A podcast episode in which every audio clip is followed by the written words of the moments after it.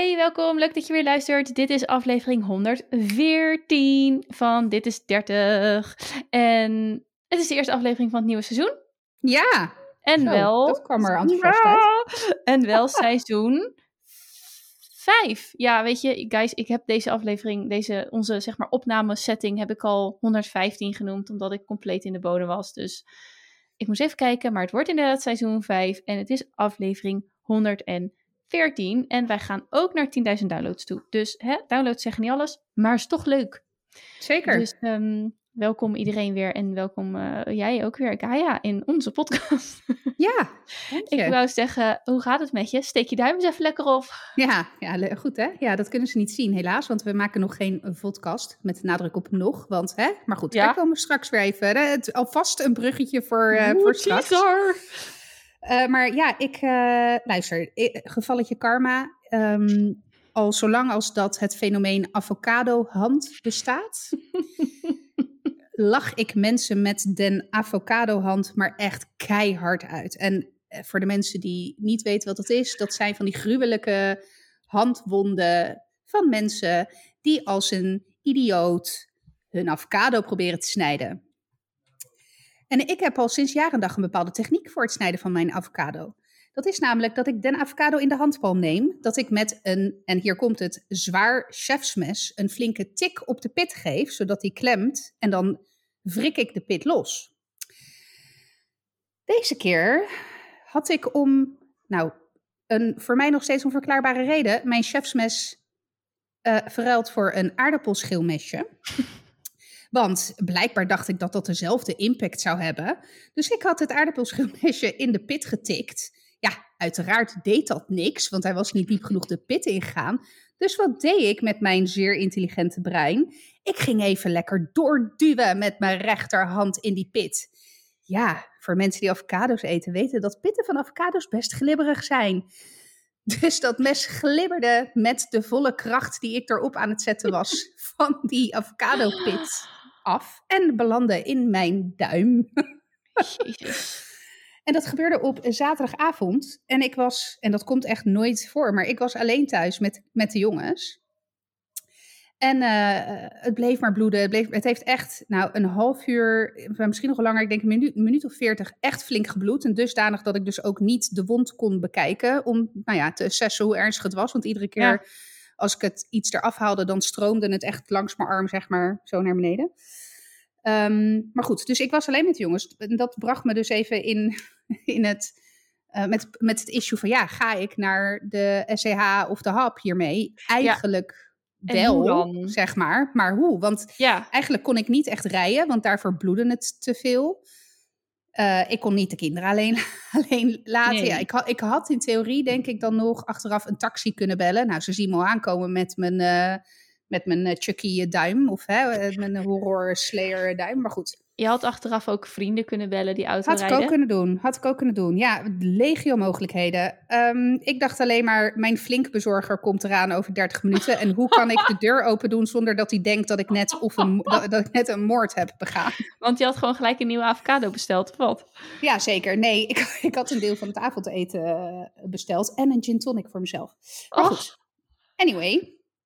Ehm, uiteindelijk was het bloeden dus soort van wel... Ik had wel bedacht, want ik heb het zelfs... Ik appte jou nog. Ik had het zelfs nog gefilmd.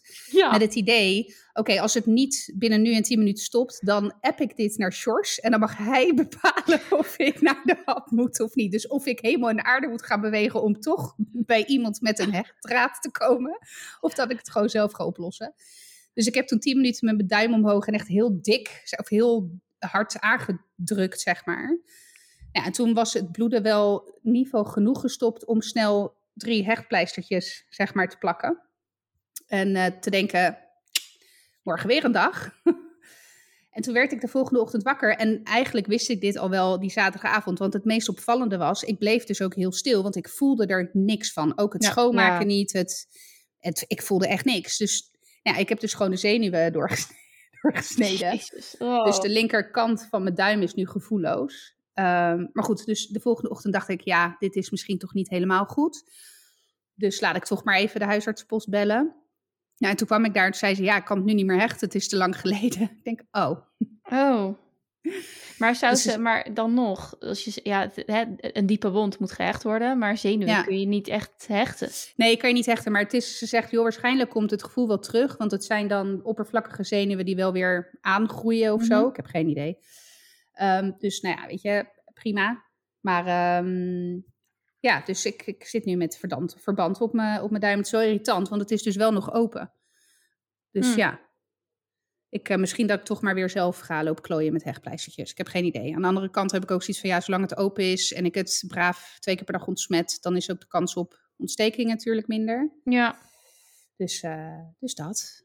Dus tot Nou. zover mijn eh avocado-hand. Ja, Ja. wat ik al zei, karma. Ik had gewoon nooit al die mensen uit moeten lachen.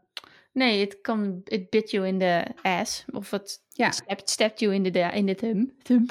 in de thump. Ja, in de thumb. Nou ja, Ja. ik heb het, eh, mijn ervaring met zenuwen is, ik heb ehm, mijn elektrische botje op, mijn op je ellebogen. Of sommigen noemen dat telefoonbotje. Nou, goed, Oh ja, eh, ja. elektrische botje. Dat stoot je wel eens en dan denk je, "Ugh, Ja, ja, dan ga je ongeveer dood van binnen. Ja. Ja, precies, kapot. Ehm, nou, bij mij blijkt het, weet je, dat is dus zeg maar een, je moet het zo zien dat het bot is een soort open gootje. Mhm. En daar loopt die arm, die zenuw loopt daar doorheen. Maar dat is dus eh, alleen bedekt met huid en ik denk een paar huidlagen. Maar niet echt heel erg beschermd. Dus op het moment dat je, je vooral als je je ellebogen buigt, dan komt dat een- echt aan de oppervlakte te liggen. Dus daarom stoot je die zenuw dan zo en dat voel je dan zo. Maar bij mij schijnt het ook nog zo te zijn dat ze nog eens wat extra uit dat gootje komen. oh, Ehm, fijn. Fijn, ja, echt top. Ehm, fantastische genetische afwijking dit. Maar goed, eh, dus ik heb een keer mijn linker elleboog echt hard gestoten, waardoor die zenuw echt serieus beschadigd is. Ehm, oh, nou ja, ik stootte hem zo en het bleef maar en het bleef maar en het bleef maar. Dus uiteindelijk ben ik naar de neuroloog gegaan. En eh, toen was ik eh, september 2009. Dus toen was ik, ik weet het nooit. Ik ben van 85. Hoe oud ben je dan in 2009? 23. Dank je. Dus ik was 23 en eh, toen zei hij na een paar keer, ja, je bent uitbehandeld. En toen dacht ik echt, het, het, de, de, nee, hm, wat is, hoe? Hoe dan? Trouwens, 23 of 24 ligt, sorry, ligt er even aan of, of het voor of na 1 april was. September, dus ik was al Nou is je jarig 24. geweest. 24. Dus en eh, weet ik veel. Ik, ik dacht echt, wat moet ik nou? Maar ik heb dus eh, sindsdien... Maar hield je een dof gevoel dan of zo in je, in je ja, een arm? dof gevoel en eh specifiek... Oh, sorry, ik zal even in, de in mijn hand niet voor de microfoon houden. Specifiek ehm, mijn pink en de helft van mijn ringvinger. Oké. En dat is dan één eh, verbinding. Ja, één zenuw, ja. Dus dat, eh, dat tintelt. En dus hij heeft op een gegeven moment hij heeft twee dingen gedaan. Het eerste weet ik niet meer. Ehm, maar het tweede was dat hij een, ja, het zal wel een cortisone-injectie geweest zijn. Ik weet het niet, maar een cocktail van shit. eh, hebben ze met, eh, gingen ze echoen en dan gingen ze die erin jassen. Dus toen dat gaf een soort ka- kapseltje van, van medicatie. Eh, ehm, ik heb het, was toen te overdonderd en zo, omdat het allemaal gebeurde, om echt goed uit te vragen wat het was. Dat had ik natuurlijk veel interessanter gevonden. Maar, ehm, en dat heeft iets gedaan. Daar is het iets mee verbeterd. Maar ja, hij had gewoon zoiets van, ja, ja en no, ja, niet no offense, maar nu denk ik ook, ja, Lange Land, neurologie, ja. Ik weet ook niet hoor. Het streekziekenhuizen, ik weet niet, misschien dat ik toch mo- moet doordrukken en zeggen van, oké, maar nu wil ik dan naar Een academisch, een, eh, academisch ja. ziekenhuis of een ander ziekenhuis. Want Ja. ja. dit is het nu gewoon. En ik heb, ehm, ik kan dus ook niet, ehm, sla- ik kan niet zo lang mijn arm buigen, want dan gaat het irriteren, dan gaat het tintelen. Dus slapen doe ik met mijn arm recht. Ik lig echt als een of andere halve zeehond in dat bed. Al jaren, hè? Al jaren. En ik kan dus alleen op mijn rechterarm slapen. Ehm, Oké. Want de andere kan gewoon niet, niet lang buigen. En Maar kan je niet alsnog eh, naar een eh, academisch ziekenhuis? Ja, ja, ja kan, kan je ook niet gewoon Eurolon in je blaas laten Ik, spuiten? nou, ik wou, dus, ik wou dus net zeggen, of gaat dat op hetzelfde lijstje als de Urolon? Ja, hè? Eh, dus dat is, dat is dat. Maar ehm, ik moet zeggen, ik heb echt af en toe gewoon echt de- een dag gewoon daar echt veel last van. En het is, de, de pijn is het niet, maar het is gewoon een constant ge- getintel. En dat is irritant. Eh zenuwweefsel herstelt slecht of niet. nou ja, Eh, ik was dus ja. ook verbaasd over wat die huisarts zei. Want Oh, dat is bij mijn weten ook zo. Dat dat Ja, misschien slecht is het- is herstelt. het- maar Is het een dikke, een vrij dikke zenuw of zo Ja. bij mij? En zijn dat die huid, de zenuwen die daar in die huidlagen zitten, toch dunner, flexibeler, al, toch ander materiaal. Ik weet het Ja, niet. geen idee. Ik, ik hoop stiekem wel want ik was het van, vanmiddag aan het... Want ik dacht eerst, ja, nou als ik dat stukje duim niet meer voel, ja, jammer dan. Maar ik was het vanmiddag dus aan het schoonmaken. En dan zat ik met een wattenstaafje dus ook even de bloedresten weer weg te halen. Ja, sorry hoor voor de onsmakelijkheid. Maar dan kom ik op dat gedeelte wat, niet, wat ik niet meer voel. En dat is, heel, en dat is gek genoeg een heel naar gevoel. Omdat ik, Mhm. ik zie dat ik het, hè, dat ik Aan het het peuren aanraak. Ja. Maar ik voel het gewoon niet. Dat is en op zich heel chill, want daardoor heb ik echt beduidend minder pijn aan deze snijwond dan, nou ja, hoe het zou, theorie zou moeten zijn. Maar goed, dus dat. De tijd? Zal het leren. Precies. Klopte die? Oh, heb Ja. gewoon een Oh my god, wat is dit? Ja. Oh, mensen herkennen ons niet meer terug. Nee, ja, sorry jongens. Ja. Ah, Oké. Nou, op naar een ehm geheel de duim. Dan maar. Een ge- Op naar geheel de duim, helemaal mee eens. Ja, Zal ik nog even teruglopen over die brug die je even ik legde? wou het zeggen. Ja, doe maar, doe maar. Ja, ik ben gaan vloggen weer. Ja, Ja, en bloggen. En voor eh, de eh, trouwe luisteraar weet dat denk ik wel, maar ik heb eh, altijd geblogd en gevlogd en veel met socials gedaan. Ik pluis een heel ehm, communicatiemiddel helemaal uit. Vind het leuk om dat zelf helemaal op te bouwen en een tijdje vol te houden. Hence de podcast. Maar goed, die blijft. Terwijl blogs en vlogs op een gegeven moment ehm, een beetje zijn afgenomen, omdat ik weer iets anders nieuws ehm, zag. En ik had dus voor mijn bedrijf, ik heb voor mijn bedrijf ook een podcast. Dat is gewoon ID Navenaar Podcast Management. Heb ik toen in twee maanden tijd 50 afleveringen voor opgenomen. Hartstikke leuk project. En super interessant om eh, gedaan te hebben. En het is natuurlijk ook een beetje mijn, ja, mijn, mijn testzone voor mijn klanten. Of, ja, wat ik aan mijn klanten en aan mijn eh, deelnemers van mijn opleiding kan meegeven. Maar ik merkte dat ik in deze fase gewoon niet zoveel focus had. Ik wist het niet zo goed. Ik had niet zoveel inspiratie. En dat terwijl al dat spul, dat staat hier gewoon. Dus ik kan gewoon opnemen wanneer ik wil. Had ik laatst er toch een opgenomen, had ik weer iets... Had weer, het gebeurt me bijna nooit. Had ik dus iets verkeerd gedaan in het opnemen. Was er niks van opgenomen. Ik weet het niet. Het, diep, het stroomde niet. Zoals ze in ondernemersland plachten te zeggen. Dus het stroomde niet. En afgelopen week, twee weken terug of zo... Je weet, ik acteer vrij snel op dingen die ik dan, waar ik dan enthousiast van word. eh, kreeg ik ineens de behoefte om blogjes te plaatsen. Om gewoon eens te, te, te, eruit te gooien, te typen wat, ehm, wat, wat me bezig hield, waar ik mee bezig was, of wat, me, eh, wat er aan de hand was. En toen dacht ik, waarom doe ik dat niet gewoon? Plus, ja. eh, ja, dat ik ook dacht, ook dat hele vloggen, dat gaat ook. Ja, ik weet niet waarom, maar ineens dacht ik er weer aan van, ik kan toch wel vlogjes maken. Misschien is dat wel leuk. Want ik ben een beetje klaar. Ja, nee, niet klaar, maar ik wil niet meer zoveel op Instagram zitten. En ik wil meer. En ik was een beetje zoekende in mijn marketing. Want je hebt, in mijn visie heb je een, een twee-trapsraket eigenlijk tussen socials die ehm attentiewaarde hebben. Dus die, daar, daarmee leer je iemand kennen, daarmee ontdek je iemand. En dan ga je vervolgens wat dieper in op de materie of wat dieper in op die persoon. En dat kan je bijvoorbeeld doen door video's, door podcasts, door boeken, door eh, blogs. Dus de wat, wat, ja, wat meer diepgang en nuance en die wat meer rutte. Dat je, dat je wat meer tijd eraan besteedt, maar dat je ook wat dieper de materie in kan. En ja, voor mij was het logisch om voor dat punt een podcast te kiezen, maar dat liep gewoon niet. Dus ik ben gaan bloggen en weer gaan vloggen. Elke dinsdag en vrijdag komt er een vlog online op mijn YouTube-kanaal, eh, waarop jij geabonneerd bent. Met, ja, niet en met geloven. de nodige gedoe, begreep ik ook. Ja, nou ja, eh, ja kijk, hè, inderdaad, de mensen die ons langer volgen, die weten dat ik en social media eigenlijk niet zo goed samengaan. Hens het feit dat het ook, eh, eh, zeg maar, op ons Instagram-kanaal erg stil is geweest. Deze zomer. Maar, ehm, precies. maar goed, dat geldt dus ook voor YouTube. En ik, ik weet dat van het fenomeen hè, abonneer en like. Dus hè, ik dacht, ja, nou nu ga ik het gewoon een keertje doen. Alleen, en daar was ik echt verbolgen over, kan je je dus alleen abonneren op een YouTube-kanaal met een Gmail-account. ja, eigenlijk eh, een Google-account. Ja, of een Google-account. Ja, nou ja, Ja. en ik, ik werk met mijn werk heb ik wel een Google-account.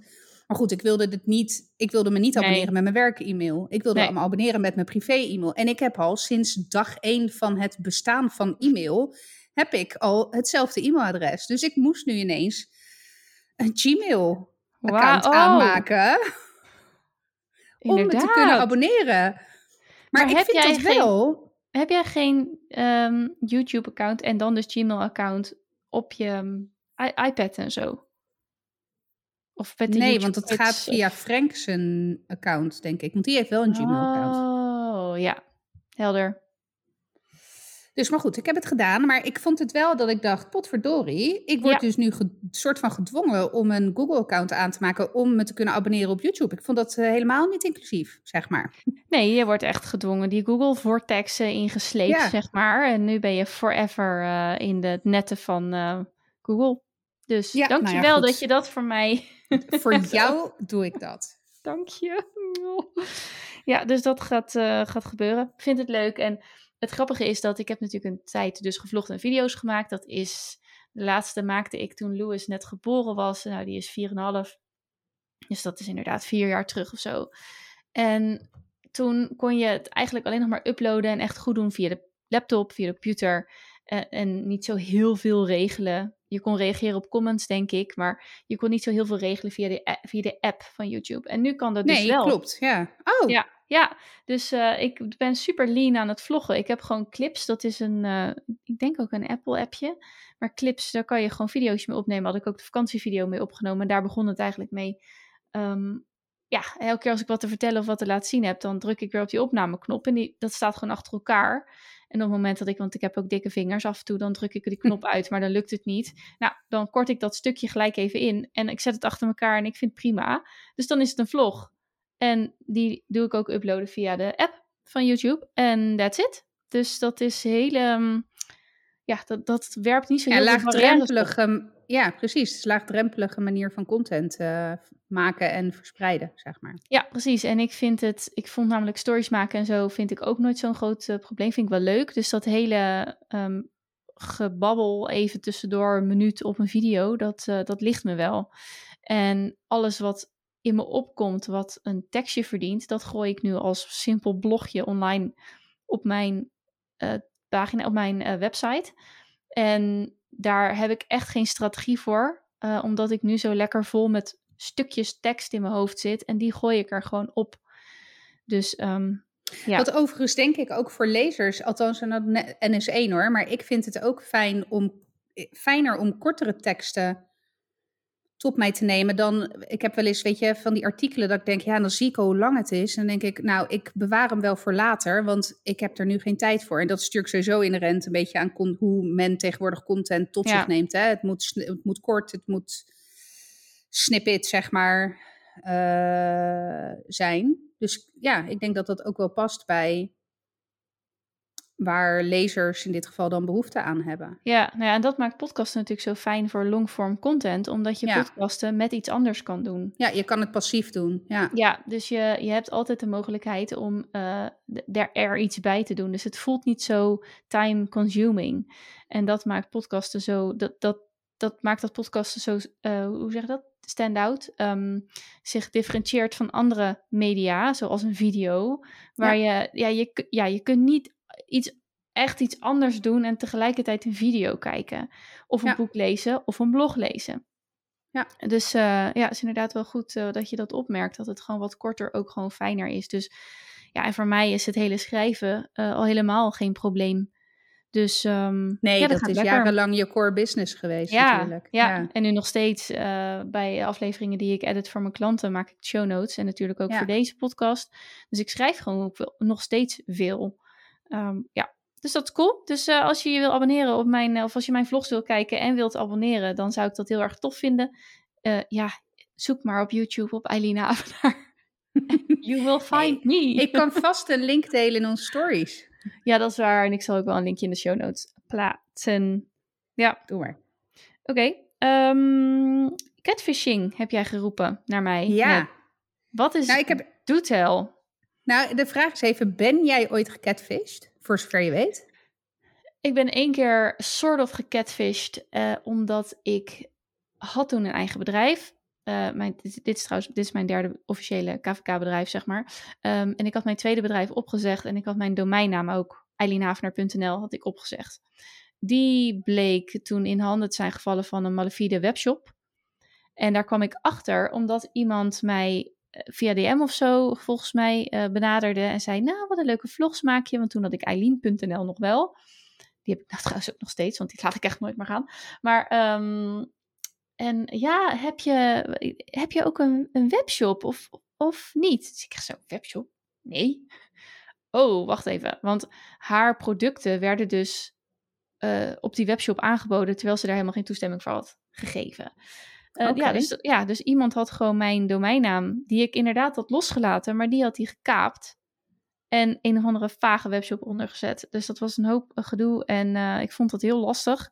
En uiteindelijk heeft ja, een of andere instantie, SCDN of zo, die soort van wel met domeinnamen en internetveiligheid werkt. Die had wel een aantal, op een aantal parameters, zeg maar, konden ze zien, dit klopt niet. Wij gaan hier gewoon tussen zitten en dit moet. En toen heb ik echt de, de domeinnaam viel weer vrij op. Uh, dat, was, dat was echt dus uh, zeven dagen voor Louis geboren werd. 31 oh, 12 2017 Hoppa, zat ik dus met een enorme belly. Zat ik s morgens vroeg om zeven uur achter die computer. Domeinnaam claimen, domeinnaam claimen. Weet je wel? Dus, die, uh, dus dat is, die heb ik weer teruggehaald. En jij? Nou, ik, ik ben volgens mij nooit echt gecatfished. Maar ik heb een keer gecatfished. Jij hebt, weet je dat als je catfish zegt, dat ik natuurlijk gelijk aan Nie van MTV denk? Ja, nou ja, dat was, dat was inderdaad vergelijkbaar. Oh, smullen. Vertel. Ja, nou, er zit wel een verhaal achter. Want um, moet ik even nadenken. Ik denk dat. Ik heb het namelijk samen met een vriendinnetje van toen gedaan. Ik denk dat we 16, 17 waren. En er was een groep jongens en die, daar gingen we wel een beetje mee om. Gingen we ook wel eens mee uit. En um, een van de jongens had op een gegeven moment met haar gezoend. Nou, en zij was best wel verliefd op hem, of niet, vond hem wel echt heel erg leuk, zoals een 16, 17-jarige dat kan zijn. Hè? Mm -hmm. En uh, op een gegeven moment kwam de aap uit de mouw dat hij haar had gezoend om een weddenschap, een kratje bier. Ja, dan heb je mijn verkeerde. en toen, ik had namelijk nog een, uh, een oude simkaart die het wel nog deed. En ik praat over, nou, ik word 34, hoe lang is dat dan geleden? 16, 17 jaar, nou, 17 ja. jaar geleden. Ja. Dus dat was echt voor de, de um, smartphone-tijd, zeg maar. Ja, en je had goed, ik... ook nog niet de beschikking over uh, paardenhoofden. Nee, ik had nog om, niet de beschikking over paardenhoofden. Nee. Om in bedden te leggen. Oké. nee, maar ja. ik wilde hem een beetje met gelijke munt betaald, zeg maar. Hè? Zoiets. Ja. Ik, ik wilde in ieder geval dat hij ook echt die emotionele pijn zou voelen. Dat was ook echt mijn doel, gewoon. Hem emotioneel kapot maken. Maar goed, dus ik had, uh, ik had een oude, sim, een oude simkaart die nog wel actief was. En ik had dus ook nog een toestelletje blijkbaar. Maar goed, dus ik die simkaart erin. Ik had dus het telefoonnummer van deze dude. Want hij was ook part of de soort van vriendengroep, kennissengroep, weet je wel. Dus uh, nou, op een gegeven moment ben ik hem gaan sms'en. Zo van, hey, ik ben... Ik weet niet eens meer wat voor naam ik mezelf had gegeven. Ik ben Pietje Puk.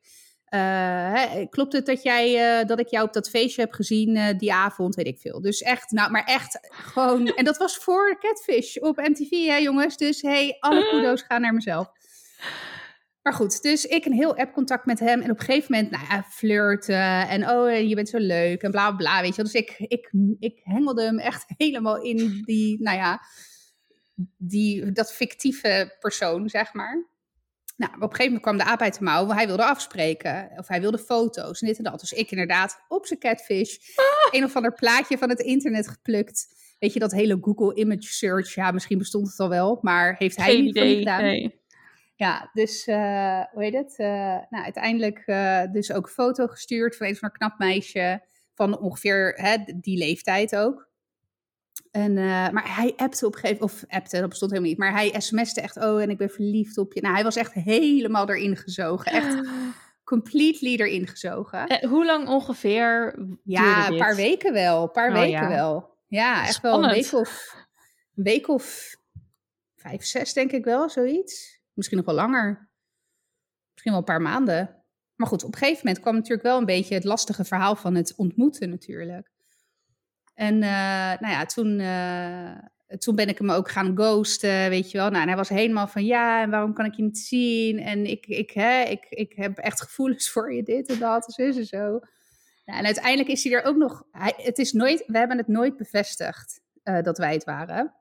Maar op een gegeven moment had hij het door. Want, oh ja, ik ging ook met hem bellen. Dat was het ook nog. Ik heb ook nog met hem Oh. gebeld. Ja. Maar goed, ik kan redelijk goed wel mijn stem soort van... Nou ja, niet heel erg vervormen. Maar ja, ik kan ook vrij goed accentjes nadoen. Dus hij had helemaal niet door dat ik het was. Terwijl hij me echt wel ook wel... Nou ja, niet goed kende. Maar hij, nou ja, hij kende me wel. Ja. Dus ook aan de telefoon, echt best wel lang met hem gepraat en dit en dat. Nou, en op een gegeven moment, en ik denk dat dat is wat me heeft verraden. Want op een gegeven moment gingen we hem ghosten. En werd ik ook, hè, was het idee om het dus, eh, nou ja, hem te laten weten, joh, je bent erin getrapt. eh. en toen, ik denk dat hij een van mijn broertjes of mijn zusje een keer op de achtergrond van het telefoongesprek heeft gehoord. En ik was de enige in die vriendengroep met jonge eh, Hmm. broertjes en zusjes. Dus ik denk dat hij er toen op die manier achter is gekomen. Op een gegeven moment heeft hij ook gevraagd van... joh, maar jij bent gewoon Gaia. Jij bent Gaia toch, weet je wel?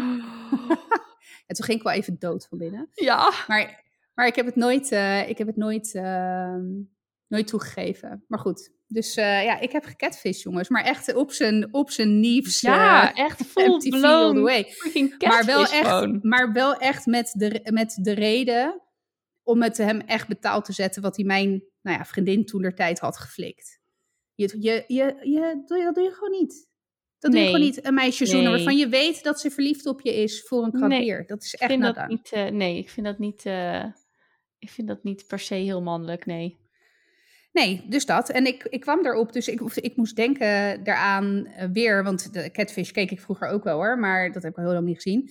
Maar ik zag op, eh, op Netflix een documentaire, de, eh, The Girlfriend Who Didn't Exist, waarin ehm, het verhaal wordt verteld van eh, Menti Tio, dat is een ehm, American football player.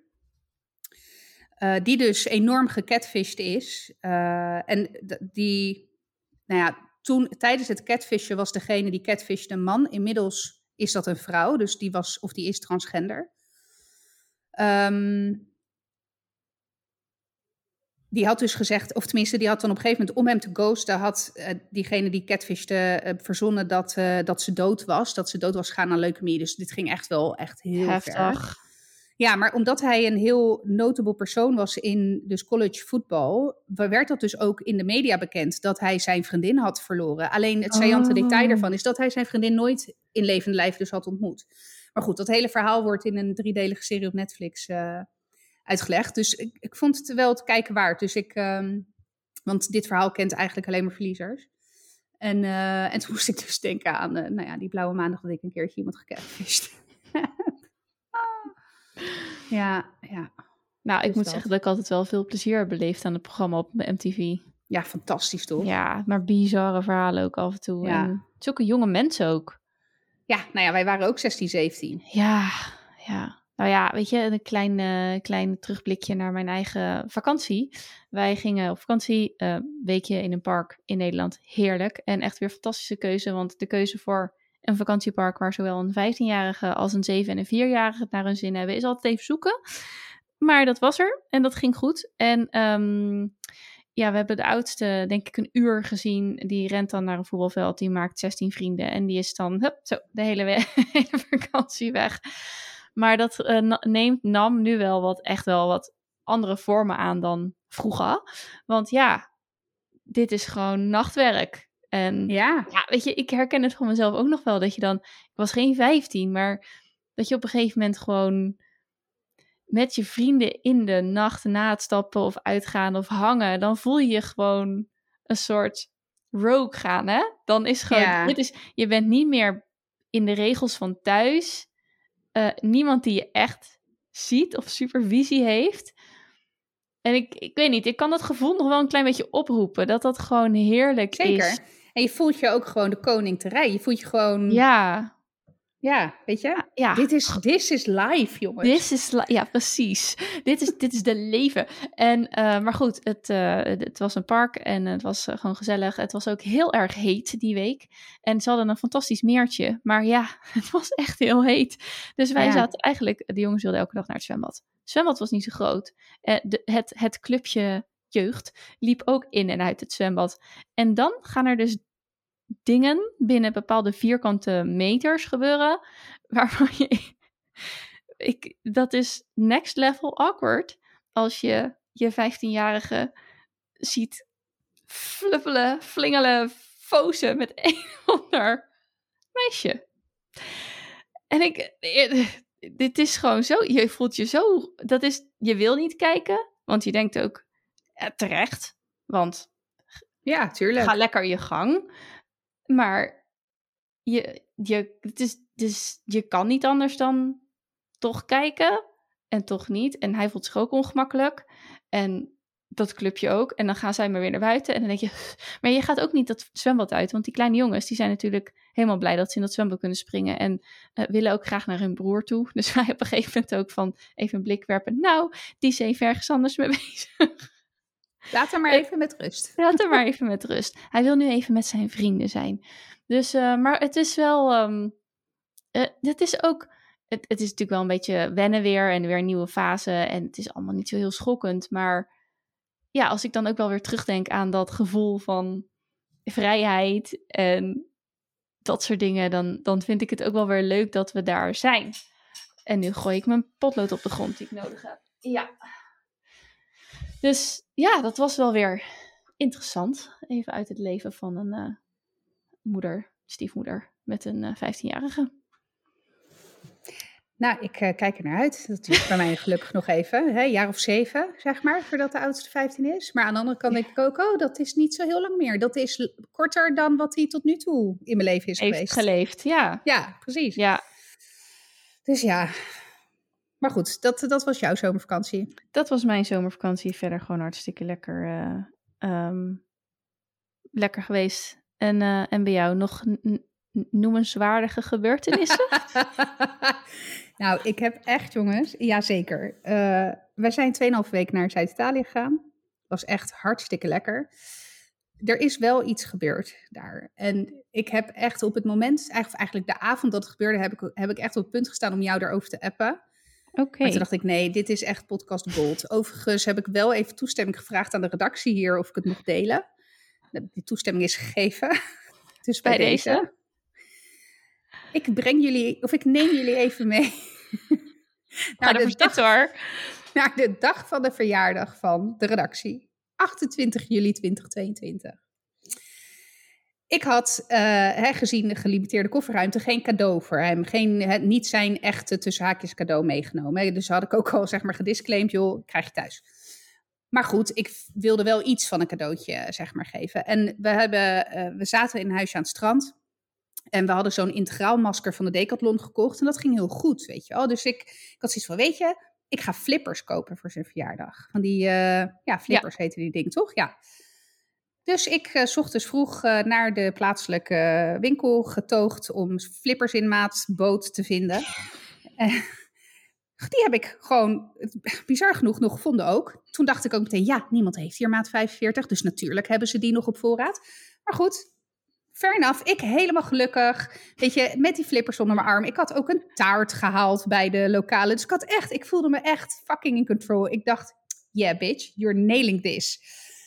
Dus ik, nou ja, hè, dus wij verjaardag gevierd ochtends. Hartstikke leuk, gezellig. Dus wij gaan naar het strand. Uh, ergens, weet ik veel, eindochtend, begin van de middag. En het was vrij ruige zee. Het was niet, uh, zeg maar, enorm. Het was niet Scheveningen, vier meter hoog. Maar het was ook niet, uh, nou ja, hè, spiegelglad en alsof je op de Cariben zat. Het zat er een beetje tussenin. Dus de, de, het was aanlandige wind. En dat is dan, oh ja. is, meestal is het wat, wat ruiger. Dus we hadden aan het begin van de vakantie al met elkaar afgesproken. Want we, we gingen natuurlijk om de beurt snorkelen. Want hè, dat Kinderen. niet Milo alleen laten, zeg maar. vooral Milo, want Zeno ging vaak meesnorkelen. Maar goed, dus we hadden al van tevoren met elkaar afgesproken, dus als soort van communicatie, van joh, als de ander het water in is, weet je, we houden elkaar een beetje in de gaten. Als we met ons arm zwaaien, zo, dan is er shit aan de hand. Dus die communicatieregels hadden we vastgesteld met elkaar. Dus op een gegeven moment, Frank is aan het snorkelen. En echt, ik zweer het je, ik denk een minuut of drie voordat uiteindelijk het gebeurde, had ik ineens een soort van onderbuikgevoel dat ik dacht, hé, hey, ik uh, moet jou in de gaten houden of zo. Dus op een gegeven oh. moment, door dus, uh, door dus die ruige zee, kon ik die snorkel ook niet makkelijk zien, zeg maar. Want die verdween een beetje in de golven. En Frank was vrij ver de kust uitgezwommen. Dus daar, daar had ik al een beetje de, de tering overheen. Dat ik en ik zat ook al helemaal te bedenken: oh, als je zo het water uitkomt, gaan we ook regels vaststellen over hoe ver we uit de kust gaan. Want dit kan niet. Want ik, maar met het idee, als jij zo ver bent en er is iets, ik weet niet of ik dat red. Ik ben ook niet meer de fitte zwemmer van, nou ja, tien jaar geleden. Dus, uh, dus dat had ik al helemaal bedacht. En op een gegeven moment was hij iets dichterbij gekomen. Alleen wij zaten aan de rechterkant van de baai. En hij was aan het zwemmen richting de linkerkant van de baai, want daar waren rotsen. Dus daar had je ook echt wel serieus leuk visjes, zeeleven. Het was echt wel leuk snorkelen. En op een gegeven moment uh, zie ik hem omhoog schieten, zijn masker afgooien. En ik zie hem met zijn arm zo zwaaien. Dus ik denk, kut. Ja, dus nou ja, ik keek de mensen naast me aan, zeg maar, die bij, dat was een Italiaans gezin. En één blik was genoeg. Die moeder die knikte gelijk van, joh, hè, Loop I got maar. you. Dus ik tegen Zeno soort van geschreeuwd, nu naar de handdoek en daar blijven met Milo. Dus ik ben, nou ja, in mijn hoofd zag het er echt heel erg Pamela Anderson Baywatch uit. Achteraf hoor, op dat moment dacht ik alleen maar, ik moet zo snel mogelijk daar naartoe zien te zwemmen. Ehm, overigens, achteraf ook nog dom, want ik ben dus vanaf mijn kant het water ingegaan om schuin naar hem toe te zwemmen. Maar ik had natuurlijk parallel aan de kust over het En strand moeten recht. rennen en daar Ja. rechter in moeten gaan. Maar goed, dat denk je allemaal achteraf. Dus ik zwem naar hem toe. Gelukkig, op hij kreeg ook nog één soort van kreet eruit. Dus gelukkig waren ook andere mensen op het strand gealarmeerd. Dus uiteindelijk eh, hebben eh, twee gasten hebben hem echt uit het water getrokken. En, eh, we waren uiteindelijk met z'n vijven bij hem. En eh, nou, hij is echt het water uitgetrokken. En nou, toen ik aankwam zwemmen, schrok ik ook wel echt. Want hij was echt lijkbleek. En Oh. ehm, eh, ja, kon ook niet meer helemaal op zijn benen staan, zeg maar. Kijk, uiteindelijk is hij op zijn rug neergezegd, beentjes omhoog. En echt binnen drie minuten was, was hij ook weer alle kleur terug en was het weer helemaal goed. Maar eh, ja, die, die was dus bijna verzopen op zijn verjaardag. Jezus, maar wa- wa- wa- hoe, wat, wat was ja, er? nou ja, dat zijn we nog steeds niet helemaal achter. We hebben wel een vermoeden. Want in, die, eh, in dat integraalmasker van die, eh, van die decathlon... ben je natuurlijk wel een soort van ook iedere keer gerecyclede lucht aan het inademen. Ja, ja, het is niet helemaal verfrist. Het is niet helemaal... Nee, precies. En hij was best lang al aan het snorkelen. Echt wel flink lang aan het snorkelen. En hij, hij gaf aan, hij zei, Guy, het was net alsof ineens mijn longen dichtklapten. Alsof ik ineens geen lucht meer kreeg. En, ehm, ja, en, en daar schrik je natuurlijk van. Ja, dat helpt dan ook niet. Ehm, en toen ging die, eh, hij heeft ook nog zijn flippers uitge, uitgeschopt, zeg maar. En ja, het was gewoon ook een soort van, ja, ik, paniek is het niet. Want hij, het is niet dat hij een paniekaanval had. Maar ja, door die reactie van die longen voor zijn, die voor zijn gevoel ineens dichtklapten. Of in ieder geval dat hij het gevoel had dat hij geen lucht meer kreeg. Ja, dan schrik je de, Ja, de, de ja. teftyfus. En als je dan al niet een hele goede zwemmer bent, ja, dan is dat alleen maar werkt dat nog verlammender, zeg maar. Dus we denken dat het een effect is geweest, toch van, van te lang dat masker op hebben of zo. Of ja, geen Veel- idee. Te veel CO2, Ja, iets. Ja. ja. Dus, ehm, dus maar goed, dat, eh, dat was wel een avontuur. En toen, ehm, die flippers die lagen dus op de bodem van de zee. En ja, ik eh, ben dan toch eh, of een eh zunige Hollander. Want hoe diep is het? Was het daar? Is het daar? Nou, het was daar, ik denk dat eh, een metertje of acht. Zo. Ja, maar ik kan echt vrij goed duiken. Ik, heb dat al, ik doe dat al van jongs af aan. Dus ik kan dat, ik kan zeg maar tot, vroeger kon ik tot 10 meter zeg maar zonder lucht in één keer duiken. Maar goed, dus ik, ik ging op een gegeven moment na een half uurtje, ging ik terug dat water in. En die mensen die hem hadden gered, zo van, ja, wat ga je doen dan? Ik zeg, ja, ik ga de flippers halen. Ik zeg, ja, je bent gek? Ik zeg, nee hoor, helemaal niet. ik zeg, ja, we houden die in de gaten. Ik zeg, ja, dat mag, maar ik kan echt heel goed zwemmen hoor. Dus nou, uiteindelijk heb ik ze dus van de bodem af weten te plukken. Oh, dus ik, ik mijn echt liefde. als, daar weer als à la Pamela Anderson Baywatch, heel triomfantelijk met die flippers zo omhoog. Zeg maar zo van, ja. Dus, eh, maar goed, de flippers zijn niet meer aangegaan in de vakantie. Nee, dat snap ik. Getver.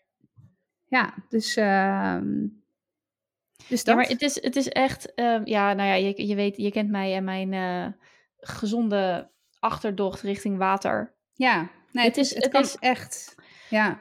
Het is gelijk zo acuut inderdaad. Want je kan best Ja. iets mankeren. Maar als ik Ja. buiten gewoon op straat iets mankeer, is het ook gewoon best onhandig. Maar dan heb ik, ja, ik kan ik gewoon neer, ja. neerzijgen. En dan is er niet, hè, dan is verder qua omgeving is daar niet zoveel aan de hand. En water is gelijk zo acuut. Dus ehm, ja, ik kwam me echt, eh, toen je dat zo zat te vertellen en dan ook die longen, ik, kwam me gelijk, zeg maar, een soort semi-paniek wel indenken hoor. Ja, en overigens tip voor luisteraars die ook zoiets hebben, of die ineens eh, het eigenlijk, op, als je op je rug, en dan heb ik het niet over Noord, Noordzee met muien en weet ik wat allemaal, dat, weet je, daar heb ik ook eigenlijk geen ervaring mee, maar ik heb het nou, in ieder geval over de Middellandse Zee, de Italiaanse kust, daar heb ik heel wat ervaring mee. Als er zoiets gebeurt, eigenlijk wat je meteen moet doen is op je rug eh, draaien en rust, vooral rustig proberen via je neus in en via je mond uit blijven ademen. En eh, op het moment, zeker als het aanlandige wind is, dan, dan drijf je vanzelf eh, ook weer Richting- richting, eh, richting de kust. Ja. Ja. Ja. Ja. Nee, helemaal niks vind ik het. Maar de, ja, wel bizar dat het inderdaad op zijn verjaardag was. En, ehm, Nou ja, dat was wel. eh, ja. Nou, hij was er zelf ook wel echt van geschrokken. Hij Ja. was ook, dat, dat zei hij ook hoor. En dat snap ik ook heel goed. Hij, zijn ego was ook wel gekrenkt. Maar Ja, dat tuurlijk. snap ik. Want ja. ik zou dat. Weet je, zou het heel ook eerlijk, hebben. ik zou me ook. Ja, ik ook. Weet je. ja, En ik denk dat je daar eh, ook echt wel misschien, als je het hebt over mannelijke en vrouwelijke energie, dat daar misschien dan ook wel een verschil in zit. Hè? Over het stukje ego en dan in zo'n situatie belanden. Maar goed, he survived en lessons learned. En ik vond wel, want hij heeft wel gezegd van joh, ik ga wel nu nadenken om, eh, om een snorkelcursusje in Nederland te doen. eh, Om ook gewoon goed met die flippers te leren om te gaan. Om goed die ademhaling onder controle te hebben. Want hij vindt het wel heel erg leuk om te doen. Dus ja, ja. ja, misschien gewoon ook wat meer achtergrondinformatie van wat gebeurt er nou met je lijf. Of eh, na, na 40 minuten snorkelen zou Ja. er dit, weet je wel, zo weet ik het. Ja, nou ja, weet je, ehm, ego gekrenkt. Ik, eh, wij zaten dus ook in het desbetreffende zwembad waar ik net ehm, over praatte. En weet je, ik, ik was met mijn rug naar de rand en ik was met de kinderen aan het spelen. Ik was in het water aan het spelen, inderdaad. Ja, ik, dat, echt, eh, ik was echt de moeder van het jaar, jongen, deze vakantie. Maar eh, achter mij was er ineens, er klom een gezin uit het water, vader, moeder, kind. Kind 13, 12. En draai me naar de kinderen en ik draai me weer om. En ineens zie ik die vrouw op de grond liggen op haar zij. Ik denk, hè, weet je, echt een meter van me vandaan, want ik stond naast het trappetje, zeg maar. ja. Hè, wat ligt ze daar nou? Maar die was dus uitgekleden. op Oei. haar achterhoofd. En dan, weet je, dat was nou uiteindelijk, ging het, ze had geen bloed, ze ging even rustig zitten, maar ze had zo... Maar ik kon me ook zo goed voorstellen dat zij op dat moment, weet je wel, als je een klein beetje van de schrik bekomen bent, denk je, ja, ga je daar gewoon in Ja. je bikini neer, Ja. in zo'n zwembad. Eh, Dat is ook, dat is ook zo'n moment waarop je denkt, ik wou echt dat niemand hier nu was. Gewoon niemand Ja. het had gezien. Zelfs al ben je bij wijze van spreken even in, in, in doodsangst geweest. Of in, Ja. hè? Want zij voelde zich ook echt heel slecht. Op het moment natuurlijk dat zij gewoon neer was gegaan. eh, Ja. Achterhoofd vallen op een zwembadvloer. Dat is zo, zo pijnlijk. Dus nou ja, dat, dat, eh, dat snapte ik wel. Maar ehm, een hele prachtige brug naar eh, mannelijke en vrouwelijke energie. Oh, want ehm, dat houdt mij dus de laatste weken erg, erg bezig. En uiteindelijk, waar, op het punt waar ik nu sta, vind ik het soms lastig te verenigen met het meer feministische gedachtegoed, zeg maar, waar we het ook veel over hebben. Ja. Maar goed, het punt is dat ehm eh George en ik zijn gaan lezen. Ook, nou, we hadden in ieder geval, we, we zijn nu tien, tien-ish. Nou, laten we zeggen tien jaar samen. En ehm, ja, dan ben je tien jaar samen. Het kabbelt wat voort. Dus eh, we hadden zoiets van, eh, het idee is wel, zeg maar, het gaat goed. Het idee is wel dat wij, eh, totdat we doodgaan, bij elkaar blijven. Dus, maar het gaat goed. Moet het niet nog een beetje vooruitgang hebben? Hè? Hoe, gaat het, hoe zitten we nou naast elkaar zo? Nou, kunnen we misschien een nieuwe impuls of wat meer leren over relaties? Dus ehm, uiteindelijk hebben we dingen gelezen over mannelijke en vrouwelijke energie. En eerlijk is eerlijk, als ik over de vrouwelijke energie lees, dan voel ik me daar toch wel heel. Ja, jij gebruikt het woord vaak senang. ik voel me daar toch wel heel thuis bij, laat ik het zo zeggen. Maar dat vind ik dan weer lastig. Want ehm, ik ga er nu heel grof doorheen. Maar iedereen heeft trouwens mannelijke en vrouwelijke energie. Iedereen. Alleen, nou ja, de gradaties, de mm, percentages zijn bij wijze van spreken iets anders. Dus uh, ik heb bijvoorbeeld 80% vrouwelijke kern en 20% mannelijke. En ik kan allebei die energieën aanspreken. Maar als ik te vaak dus in mijn mannelijke energie moet acteren, dan gaat dat wringen met wie ik ben. Um, dus dan voel ik mij niet goed. Of dan, dan, dan, hè, dan ben ik niet de beste versie van mezelf, laat ik het zo zeggen. Uh, plus dat als je in een relatie bent, in een committed relatie, dat je elkaar daarin gaat compenseren. En wat er, waar wij dus nu aan het onderzoeken zijn, is dat um, omdat je het, de, de, de, naar aanleiding ook van de feministische golven en de, de ontwikkeling van de samenleving. Kijk, vooropgesteld, niemand wil terug naar een onderdrukte vrouwelijke positie die maar gewoon thuis moet blijven en ontslagen wordt op het moment dat ze gaat trouwen. Even grofweg gezegd. Um, maar nu worden we natuurlijk heel erg gelijk getrokken. Uh, gelijkwaardigheid wordt er gezocht. Terwijl we geen uh, mensen met een meer vrouwelijke kern zijn niet hetzelfde als mensen met een meer mannelijke kern. En dat uitzicht bijvoorbeeld op de werkvloer in dat er heel vaak gevraagd wordt om argumenten op basis van cijfers. Terwijl een vrouwelijke kern ook heel goed iets kan aanvoelen. Maar als op het moment dat je zegt dit voelt niet goed, wordt er toch in vele vergaderzalen wat vreemd naar je gekeken en gedacht: ja. Daar is weinig ruimte voor dit soort geluid. Emotionele argumenten, laat ik het dan maar zo zeggen. Of überhaupt emoties. Dat je laat zien, dat je kwetsbaarheid laat zien. Dat je uh, uh, ja, uh, verdriet laat zien. Dat je um, twijfel of, of, onzekerheid laat zien. Of dat je überhaupt dat toegeeft, dat weet ik niet. Weet je wel, daar is, dat is in bepaalde, nou, toch, ik denk toch veel werkomgevingen is daar weinig ruimte voor. Wat er dan gebeurt is dat vrouwen die naar de top willen komen in, dergelijke bedrijven, meer in de mannelijke energie moeten gaan zitten. En ik gebruik even de woorden vrouwen en mannen, omdat dat nu in het gesprek het makkelijker maakt. En het gaat natuurlijk om mensen met een meer vrouwelijke kern en de mensen met een meer mannelijke kern. Um, dus als jij een, een, een overwegend vrouwelijke kern hebt, maar je moet je, je mannelijke energie elke keer naar boven halen, dan, dan loop je ergens tegenaan. Dat gaat niet goed. Omdat het niet is wie je bent en omdat je niet echt kan zijn wie je bent in de werkomgeving waar je zit. Hetzelfde geldt voor je relatie. Van de mannelijke energie is vaak het, het leiden, het, het, het beslissen, de daadkracht. Uh, terwijl de vrouwelijke energie uh, erop gericht is dat overal de liefde stroomt. Dus, um, nou ja, en, en als ik dan denk aan dat ik bij wijze van spreken een of andere lichtende bol met liefde kan zijn richting mijn gezin, richting mijn klanten, richting mijn passies, weet je, want het gaat natuurlijk niet alleen om van, uh, liefde is niet alleen uh, jezelf maar wegcijferen, maar liefde is gewoon dat het goed stroomt, elkaar goed benaderen, uh, dat het, dat het ook, ja, dat je lekker die creativiteit, um, die ik natuurlijk ook heel erg in mijn werk kwijt kan.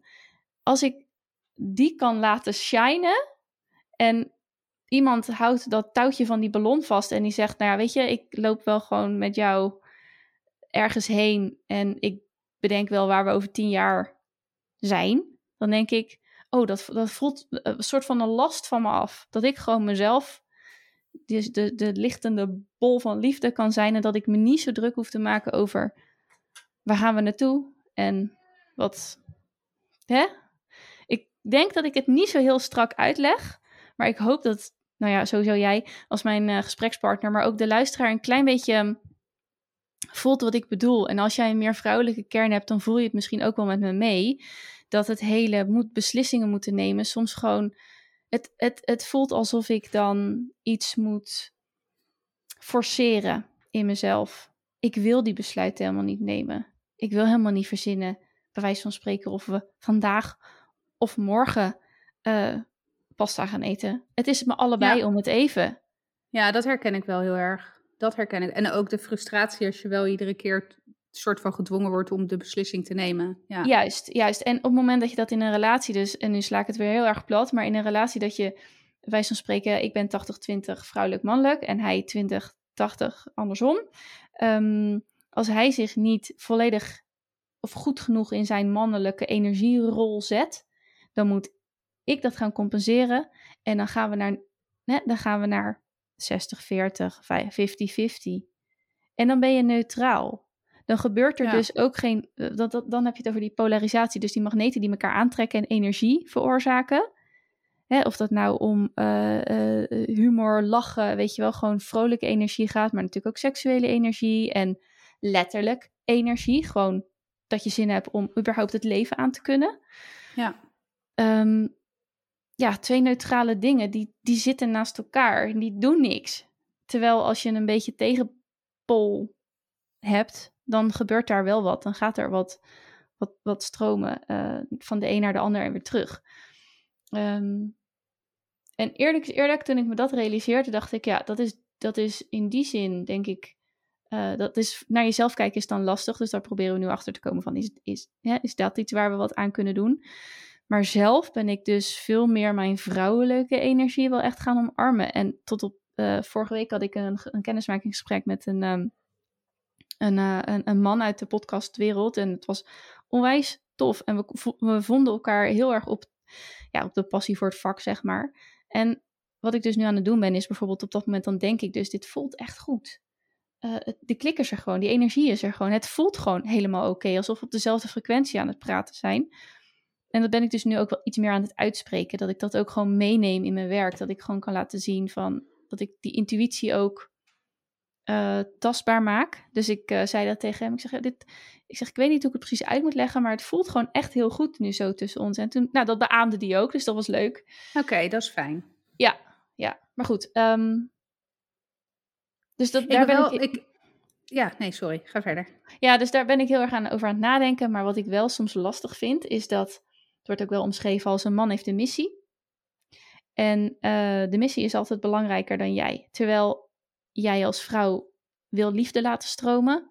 Dus is je relatie altijd belangrijker dan jezelf. Ook weer even platgeslagen, maar puntje bepaaltje komt, moet een man om gelukkig te kunnen zijn in dit leven, om de beste versie van zichzelf te worden, voor zijn missie gaan. En als jij als vrouw niet mee wil, ja, dan is dat jammer.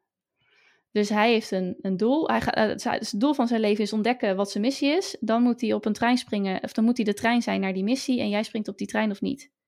En op die trein kan Ja. je best je lichtende zelf zijn, hè? Liefde, liefde. Mhm. Ehm,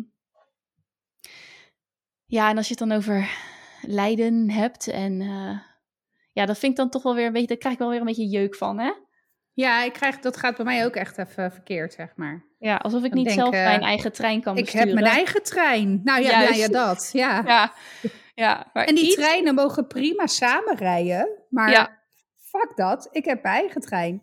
Maar iets in mij zegt dat als ik mijn trein niet hoef te besturen, Ja, dat, Dat ik wel heel relaxed is. sterker in die lichtbol. Ja, ik zie het gewoon zo voor. Ja, het is heel raar, want ik zie echt zo'n Thalys-trein met een of andere lichtende bol ergens halverwege. Maar dat ik dan veel beter in die lichtbol kan stappen. Maar ik zou dan eerder nog zoiets hebben van prima, maar die lichtbol staat bij mij dan niet halverwege die Thalys, maar die zit samen met de, de mannelijke energie in de, in de cockpit wel. Hè? En dat mag Ja, een Romeinse lichtbol zijn, maar hey, ik wil wel af en toe kunnen bijsturen als dat... Als dat eh, ja, Maar goed, is, kijk, ik snap. Ik, ja, ik, ik snap het. Tenminste, ik begrijp wat, je, wat het concept een beetje daarachter is. Ik denk wel dat het wat meer verdieping behoeft. Voordat ik me ook hier een gegronde mening over kan geven. Maar ik snap wel dat gevoel, het eh, eh, gevoel verzorgd worden. Het gevoel. eh, nou ja, inderdaad. Want het, het stukje beslis, besluitvorming. Ik kan bij wijze van spreken. Vaak in een restaurant vind ik het al irritant om te kiezen. Mm. of ik nou sinaas of cola wil. Bewijs van. Ik haat sinaas, maar hè, bewijs van. Maar- hoe heerlijk is het als je zegt, oh, we gaan uit eten. En dat hij gewoon zegt, ik heb dit restaurant gereserveerd. Ta, Ja. maakt niet uit. Weet je wel, Ja. mij maakt het niet uit waar we heen gaan. Maar regel het voor me. Please. En er stonden Ja. ook voorbeelden in dat boek zo van... ehm, dat je als vrouw heb je buien, hè? Emotionele Mhm. buien. En je test je man ook. Dus wij zeuren. Ja. Wij zeuren omdat we zien... Jij bent, niet, jij, bent niet, jij bent niet de man die je kan zijn. Jij bent niet integer. Jij, wil man, jij, jij bent man, jij wilt man zijn. Jij, wilt, je hebt een missie. En je doet iets wat niet aligned is daarmee. En daar zeuren wij over. Daarom vinden wij dat soort... Neggen we gewoon over details. Bij wijze van spreken als hij zegt... Ja, nou, ik ga... eh, ik ga eh, maar hooguit een uur op mijn telefoon. Elke dag. En dan denk je, oh, wauw, krachtig. En vervolgens zie je dat hij elke dag zes uur op zijn telefoon zit. Dan zeur je daar dus over. Ja. Maar dat is omdat je hem, ja, hoe moet je nou zijn keuzes vertrouwen als hij dit niet eens kan, bij wijze van spreken? Ja. Ja. Ik, eh, Ik vraag me wel ook af, want je hebt het er net al wel, hè, daar heb je de, het soort van gechargeerd van, joh, hè, personen met een meer mannelijke energie en personen met een meer vrouwelijke energie. Maar er zijn natuurlijk ook non-binaire mensen, dus mensen die zich met geen enkel geslacht eh, identificeren. ja, maar Ik vraag me wel af hoe dat daar dan voor...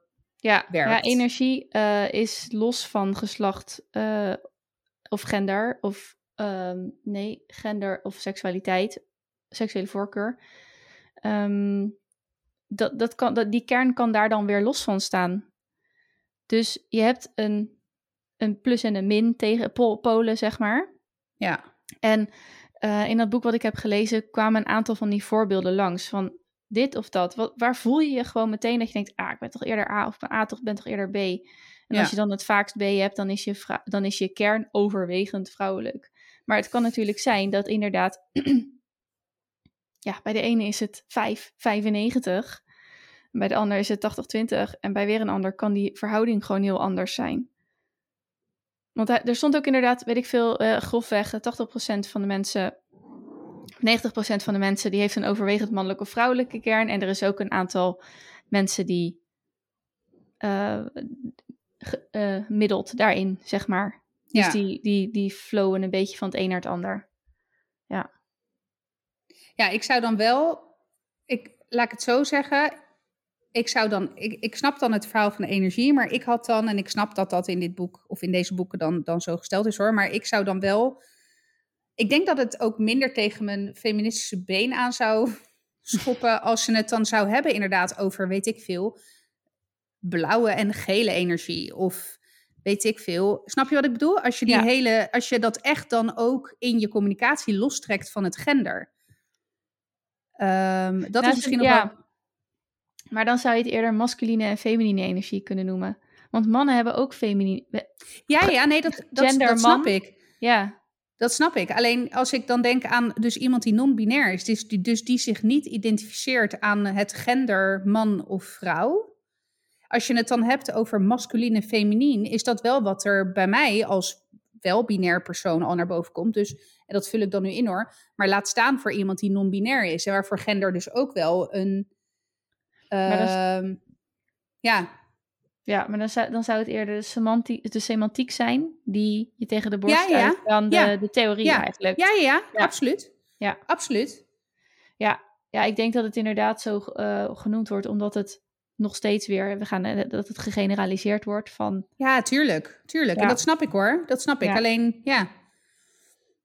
Dat is dan het eerste. En, maar goed, nogmaals, hè, om hier echt voor mij een mening over te vormen, dan, moet ik, dan zou ik me erin moeten verdiepen. Want ik vind het wel heel interessant. Het, weet je, het raakt wel ook bij mij wel wat snaren dat ik denk, hé, hey, dit is nog wel Ja. een interessante om, ik- eh, om te ja, en ik- onderzoeken. En ik had van de week ook eh, met een vriendin daar een gesprek over. En ehm, nou ja, dat als je ehm, soms, weet je wel, als je je man of je vriend of je partner, eh, je, je overwegend mannelijke kernpartner, eh, als hij met zichzelf, als hij aan het zoekende is of met zichzelf in de knoop zit of inderdaad niet goed de motivatie of de energie kan vinden om echt zijn doelen te, ehm, ja, na te streven, dat kan wel even, maar daardoor moet jij dus gaan compenseren, vooral als je een gezin draait. En dan, dat, dat, dat kan, dat, dat, dat raakt op, of dat, nou ja, Ja, dat raakt ja. op. Het heeft zijn effect op jouw energie, want je moet je acteren zoals je net niet bent. Ja, en dat kost ook veel meer energie, Dat zeg kost maar. veel dus, meer energie, Ja, ja, dus het is plus- ook een visueuze cirkel. Ja, in die, plus in dat, die je, zin. dat je ondertussen denkt, niet letterlijk denkt, maar ondertussen je vrouwelijke kern denkt, jezus gast, Ik heb echt niks aan je. Nee, hè? Ja. wees die krijger. Wees die, ja. die Ja, nee, maar dat herken ik alle volledig. stereotypen maar uit de kast. Maar ja, zonder de damsel in distress uit te hangen, ehm, ja, wat, wat blijft er dan nog over van zo'n man? Weet je wel, zo. Het, ik, Mhm. ik chargeer echt even heel erg, maar dat, ehm, en dat zie als Welke ik dan- boeken zijn het trouwens? Laten we ja, even... het is, het, oeh, het is eh, het boek van God, Dav- Da- David, David Seida of zo. Oh ja, dan ga ik googlen. Eh, nee, geen idee. Mannelijke. Goed hè, dat ik niet meer edit. Dan krijg je dit er allemaal in. Mm, mm, mm. Nou, ik krijg natuurlijk weer niks naar boven. Nou, we komen erop terug We in komen de er- onze oh stories. ja, eh, David Dijda. Ah, En het zijn pittige boeken. Ik moet ook zeggen dat hij heeft een boek geschreven over beide. En hij heeft een boek geschreven over mannelijke energie en over vrouwelijke energie. Die van vrouwelijke energie is één grote bloemlezing. Het is wollig. Het is... Je moet je open, open, open en je laten openen door je man. En open en open. En dat ik echt dacht, ik kwam er niet doorheen. Dat boek over de mannelijke energie is interessanter, is veel eh, zeg maar strakker geschreven. Die raad ik wel aan. Dat is nog steeds af en toe een beetje vaag, maar het, ja. En dan natuurlijk weer eventjes, ik bedoel, hallo, we moeten het natuurlijk wel weer even over de vulva hebben. Maar ehm, in het stuk over vrouwelijke, dus in het boek over vrouwelijke energie stond iets over dat je drie eh type orgasmes hebt. En dat is clitoraal. En dat vond hij echt, nou, het was, het, het was, het, het betekende niks. Het was echt, eh, ja, ja, dus Oké. kan je nagaan wat de andere twee mogelijk. Nou, de, de, de tweede was Vaginaal dan? ja, want dat was met de G-spot. En de Wat derde overigens was. ook gewoon je clitoris is, hè? Even Maar dan mijnerzijds. Ja, maar dan Maar goed, hè? Ehm, ja, en de derde, ja, en dit kon ik me zo niet voorstellen. S- eh, cervicaal, cerv- cervix, dus baarmoederhals. Die schijnt ook gestimuleerd te kunnen worden. En nou, ik, Nou, Volgens- hoor. Wegwezen volgens- bij mijn baarmoedermond. Echt, Zeker, no fucking zeker. way. maar volgens David is Ja. dat. Ja, maar dan- sorry. Ja, Ja, maar, dan, is David echt een... Nee, maar dan is David... Nee, nee, nee. Maar dan is David echt gewoon een man met een penis die gewoon er geen reet van snapt. Ja, maar luister, in het mannelijke energieboek wordt er gezegd. Dit is echt geweldig. eh, dat je, eh, eh, je kan natuurlijk normaal ejacu- ejaculeren. Ja. Dus hè, eh, zaad komt uit de penis. Ehm, maar je kunt, als je de seksuele energie echt goed wilt gebruiken en door je hele lichaam wilt laten stromen en helemaal tot in de hemel wil geraken en verfrist wil worden, dan moet je dus, let op, ejaculeren via je ruggengraat omhoog. Dus niet Sorry? Het is een bit bizar. Het levert wel leuke gesprekken gesprek op met je zeggen. Ejaculeren via je ruggengraat omhoog. Naar boven. Richting je, je, je brein en je hoofd. Ja, weet je wel? Dat je dus... Nou, het is wonderlijk. Het is Maar hoe doe je dat dan? Ja, dat is oefenen. Ja, Ja, dat is oefenen. Maar is dat dan als je... Moet je dan ook echt de baarmoedermond kietelen... om dan dus samen tot het, tot nou, het ultieme dat vind ik... Dat, dat, dat- cervix en... Nee, ja, maar echt, mijn baarmoedermond echt oprotten. nee, dat doet echt, pijn. Ja, maar dat precies. komt, dat komt dus... ja, omdat mijn vrouwelijke energie niet eh, genoeg is aangeboord. Omdat ja. wij niet letterlijk aangeboord, maar Ja. omdat wij niet, niet voldoende eh, in onze eh, godinnenkracht kunnen gaan staan. Zeg maar, hè? Oké. Dus zolang je maar blijft hangen bij ejaculatie via de penis en eh clitorale orgasmes, kom je dus ook ehm, in je diepere zelf niet verder. Aldus David. David. David. Hoe oud is deze David? I don't know. Ik weet het niet. Maar je hebt dus ja, allerlei. Maar goed, een, eh, een collega-coachie van mij ehm, in mijn programma, die ehm, doet hier van alles mee. En die heeft, ook, eh, die, heeft het, die heeft me aangeraden om eens wat meer in te lezen in archetypes. Dus dan Ja. kun je het meer modelleren naar een ehm, ja, type. Zodat Ja, je maar denkt, dat, oh daar kan ik... Nu, Daar, ja, ja, daar kan ik wat mee. Maar dus kijk, dan, de- de kern van zijn boodschap kan ik wel wat mee. Denk ik. ja. Maar goed, nogmaals. Ik, hè, open mind. Ja, open zeker. mind. Zeker als je deze boek gaat lezen, Ja, open your mind. Denk echt van, ik wil gewoon, ik merk dat we ook in onze, ja, weet je, in onze relaties zijn, ze- zijn we gewoon toe aan een volgende stap ook. Omdat een beetje, ja. Nee, maar dat herken ik wel. anders blijft dit Ja. het. Ja, En- ja, nee, maar dat herken ik. Ja, en je hebt toch het idee van, ik ben toch wel van plan om, weet ik het, 90 te worden, ik noem maar wat. En dan ja. is het nou ja, best... Frank wil 120 worden, dus Oh, minstens. nou, ik bedoel, dan is het voor jullie Ja, ook nog, nog langer. Nou, mij niet bellen hoor. Ik hoef geen 120 te worden. Maar goed, Nee, oké. Ehm, fair enough. dat is een andere discussie. dat is voor een andere aflevering. Nee, dus ehm, ja, ik vond het reuze interessant. En het eh, biedt weer een ander licht op de zaak, waar ik echt wel wat mee kan. En ik moet ook eerlijk zeggen dat sinds wij dit toch een beetje zijn gaan toepassen en ik echt mijn vrouwelijke energie meer laat spreken, ook qua uiterlijk.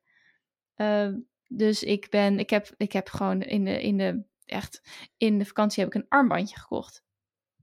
Ik, ja, je bent ook nooit van de sieraden. Ja, ik wou net nooit. zeggen, ja, ik draag dus ook nooit sieraden of make-up eigenlijk wel ook altijd vrijwel nooit. Uh, oorbellen in. Ja, Of- dat wel. Maar die heb ik Ja. echt al tien jaar in, zeg maar. Die doe Ja. ik ook nooit uit. Nee. Nee, dus dat... en sinds eh, moederdag draag ik ook een ring. Oh ja, oh ja, jezus. Schok van je leven. Maar dat was de eh, schok van mijn leven, ja. ja. Ehm, ja, nee, dus weet je, dan ook om daar voor mezelf gewoon eh, meer een eh, ja, impulsen in te vinden. En maar sinds, sindsdien, het heeft natuurlijk allemaal niet alleen met een armbandje te maken wat ik ga dragen, maar ja, is er tussen ons ook wel wat, eh, wat meer gaande. Dus dat is toch wel Ja, interessant. dat om is wel tof om te zien. Nou ja, Ja. precies. Dus ik, daarom, ik bedoel, ik ben heel, om, ik, gewoon to be honest, ik ben een beetje sceptisch. Zeker toen je het had over orgasmes vanuit de wervelkolom omhoog. Ja. Eh, en cervicale orgasmes. Maar goed, open mind, ik, eh, ik zet hem op mijn leeslijst. Ja, heel goed. Dus, eh, maar doe dan gewoon die, die mannelijke, want daar staat ja, ook dat is goed. Ja, dat denk ik. Ja, ja dat, dat, daar ga ik wel mee beginnen dan. zeg Ja, want die andere is echt niet door te komen, joh. En als ik nou echt mind blown ben, dan ga ik die andere wel Ja, proberen. ja. Maar ja, mijn, eh, mijn collega coachie zei ook dat ze de vrouwelijke versie zegt. ze, Ja, vond ik toch ook wel weer, toch, toch wel erg stereotyperend hoor. Ja, nou ja, Hij maar dat is dus waar ik mee. Ja, Ja, ja. Maar ja, goed. Ik moet zeggen, inderdaad, hè, om het nog eventjes samen te vatten. Ik vind het soms ook lastig te combineren met mijn, eh, ja, toch semi-feministische gevoel.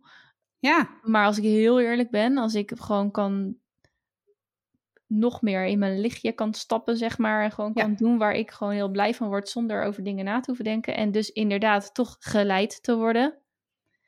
Ja. Ja. Dat kan ik ook niet negeren. Nee, nou zeker. Zeker. Ja. Dus daarom, ik ga het lezen. Ben Ja. benieuwd. Cool. Oké. Ik heb, eh, ik denk, want we hebben volgens mij nog echt eh, 18.000 onderwerpen. Maar laten we die dan voor volgende week parkeren, gezien eh, de lengte van deze aflevering. Maar wat ik wel nog even wilde delen met jullie, even los van de tips van deze week, daar kom- komen we straks op. Maar, Oh. en nu ga ik even Die. Ja. Dat ding. deze. Dit ding, jongens. Maar let op, want dit behoeft een intro. Ik ben benieuwd of de microfoon het pakt.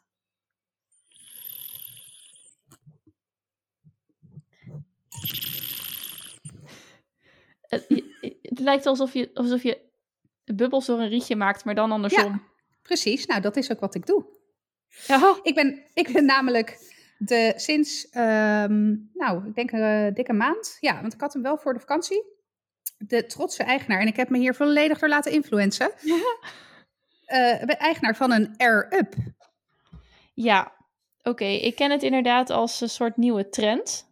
En ik dacht eigenlijk dat hij overgewaaid was, want ik had er niks meer over gehoord. Maar nu zie ik hem ineens bij jou. Wat is Ja, een je ziet hem bij mij. is een Nou, een air-up? Een Air Up is zeg maar, eh, die eh, geven aan, eh, je drinkt gewoon water, maar door de geurpots, en dat een geurpot is een soort van cirkel wat je om het rietje heen doet, lijkt het alsof je dan dus water met een smaakje drinkt. Moet ik heel eerlijk zeggen dat ik de, de advertenties die je ziet met mensen die helemaal mind-blown zijn. Oh, het is net alsof ik echte cola drink. Ja, calling fucking bullshit. Eh, nee, dat is niet zo. Maar in all honesty ehm, heb ik nog nooit in mijn leven zoveel water gedronken als nu.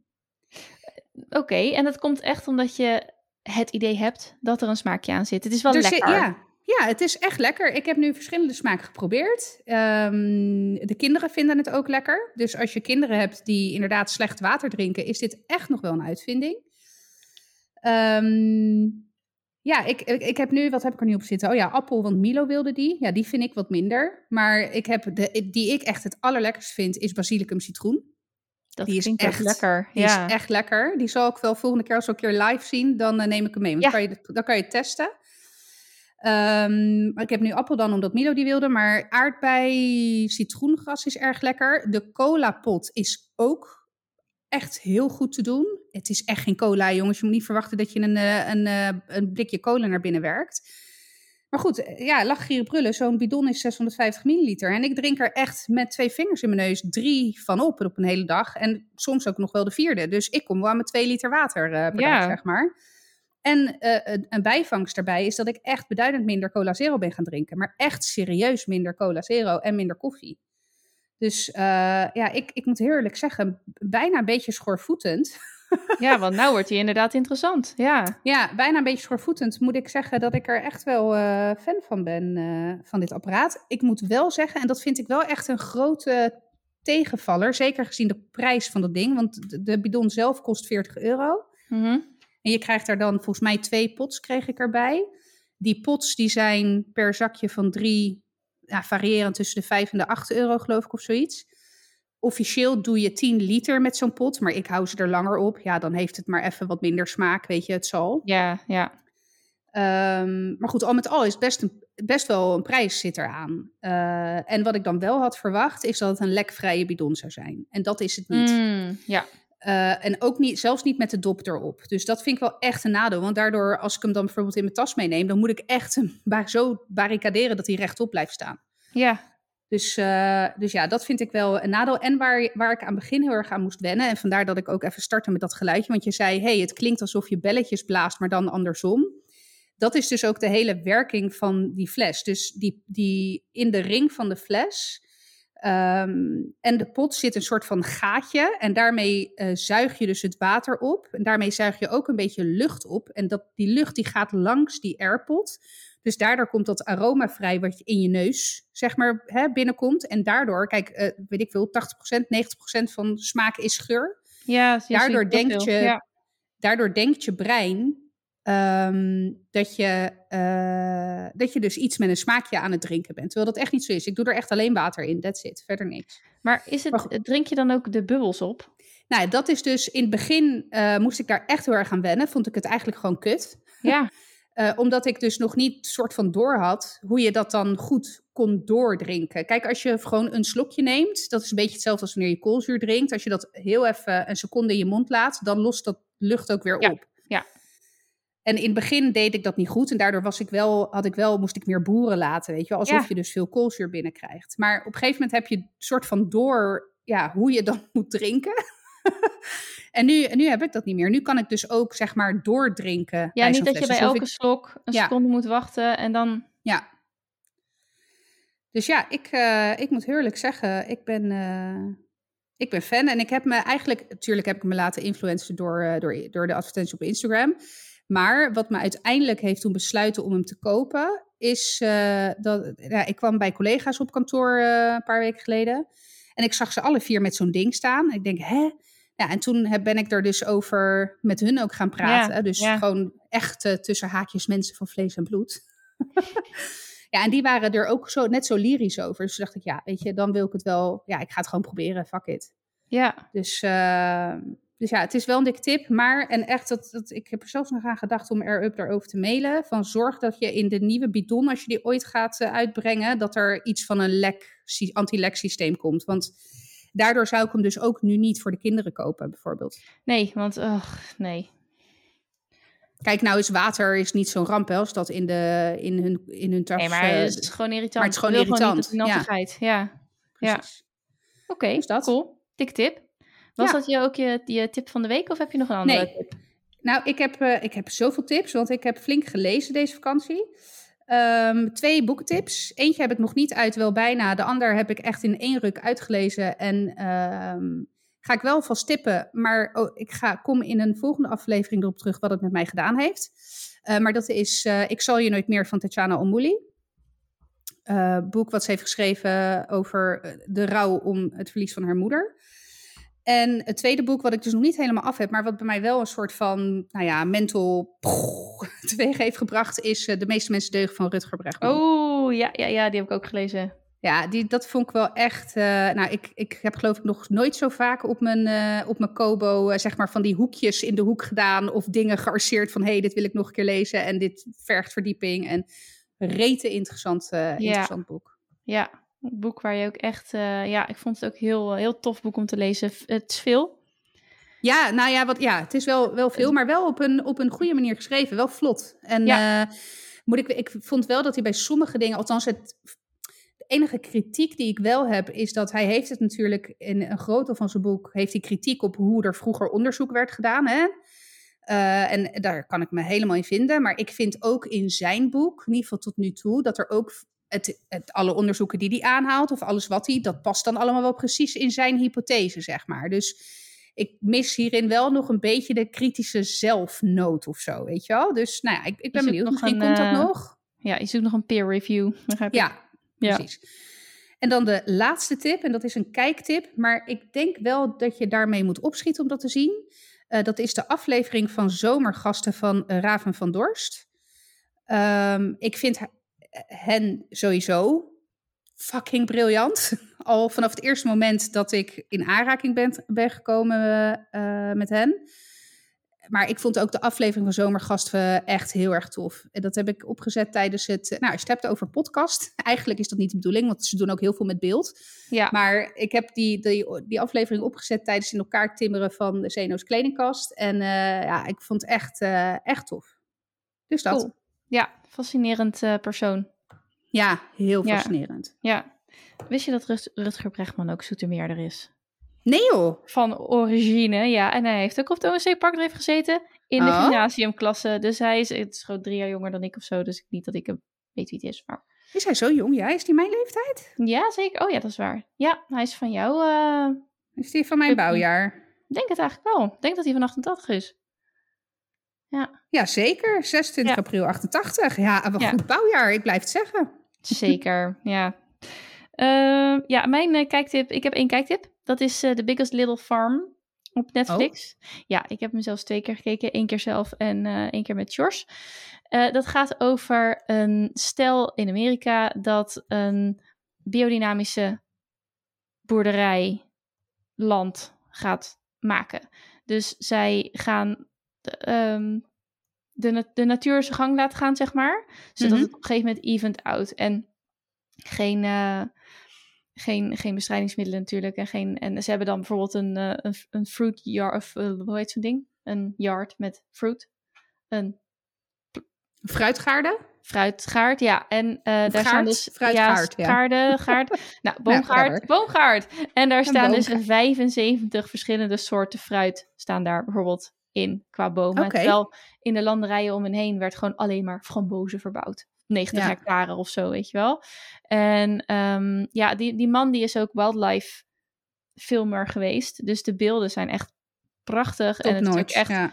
het wordt echt heel mooi verhalend verteld. En het is allemaal, het, er gebeurt echt van alles ook ellende. En het is natuurlijk ook zwaar. Dat wordt ook wel enigszins ehm, getoond. Maar het heeft niet de overhand. Dus je ziet gewoon hoe dat gaat. En hoeveel bijzondere keuzes ze maken. En hoe, wat dan weer samenwerkt. En dat je op een gegeven moment hebben ze ook weer... Ja, wat ik echt het wonderlijkste stukje vond... is, kijk, ze hebben op een gegeven moment een pond, een vijver voor irrigatie... om water eh, ook in te verzamelen als het regent. En ja, daar moeten gewoon eenden in. Dus nou, zij daar eenden in. Ja, dat, hè, zo, zo werkt een vijver. Daar gaan eenden in en, en catfish trouwens ook. Ehm, en op een gegeven moment is, dus, is het zo droog dat die vijver te weinig ehm, stroomt. Dat te weinig nieuw water komt. Dus die eenden die, die kakken daar te veel in. En dat is dan heel rijk voedsel voor de wateromgeving. Maar daardoor gaan de algen heel erg groeien. Dus eigenlijk moeten die eenden uit die vijver. Dus ja, hij zegt, ja, maar waar ga je nou met 100 eenden? Wat, wat, wat moet je nou met 100 eenden? Eh, maar tegelijkertijd hebben ze ook al heel lang last van slakken in die boomgaard. En hij zegt, op een gegeven moment zag ik wat eenden nog leuker vinden dan een vijver. Eenden eten slakken. Oh, Dus hij heeft die dus hij had gelijk zijn natuurlijke bestrijdingsmiddel te Precies, pakken. dus zo, Ja. en, zo zijn er zoveel van, en echt die beelden jongen, je ziet die eenden echt die slakken van die bomen trekken en opvreten. Echt, nou, als je het hebt over, je wilt niet kijken, maar je kijkt toch, omdat het Ja. toch iets van, nou, ja, ik vond het echt een eh, hele leuke documentaire, mooi ook. En ook weer gewoon weer even besef dat je denkt, ja verdorie, je moet gewoon lekker groenten van de lokale boer kopen, weet je wel? En Ja, zijn we gelijk eh, op zoek gegaan naar eh, ja, kistjes met groenten van lokale, biologisch en weet ik het. Dus ja, je wordt er weer eventjes met je neus op de feiten gedrukt van de natuur is gewoon prachtig mooi en werkt super mooi samen. En ja, zo hoort het gewoon te gaan. Dus ik vond het een hele fijne feel-good en toch hele leerzame doku. Nou, mooi. Ja, hey, ehm, hoe ziet je week eruit? Jezus, goede vraag. Ik heb Ja. echt geen idee. Je was alweer vergeten dat het een rubriekje was, hè? Ja, nou, eh, deze week eh, eigenlijk niet zo heel veel spannends. De bedoeling is dat ik vrijdag vrij ben om te compenseren dat ik de twee woensdagen daarna wel eh, moet werken.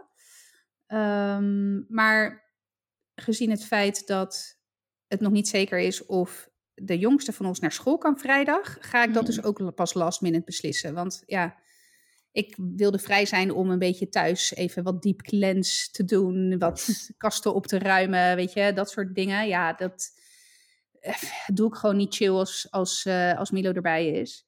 Dus, ehm, dus en als, ja, dus als hij thuis is, dan werk ik gewoon. En verder deze week nog rustig. Daarna ga ik twee eh, hellish weeks in qua Aha, werk. Maar ehm, ach ja, hoort erbij. hoor erbij. Gaan we het volgende week wel weer over hebben.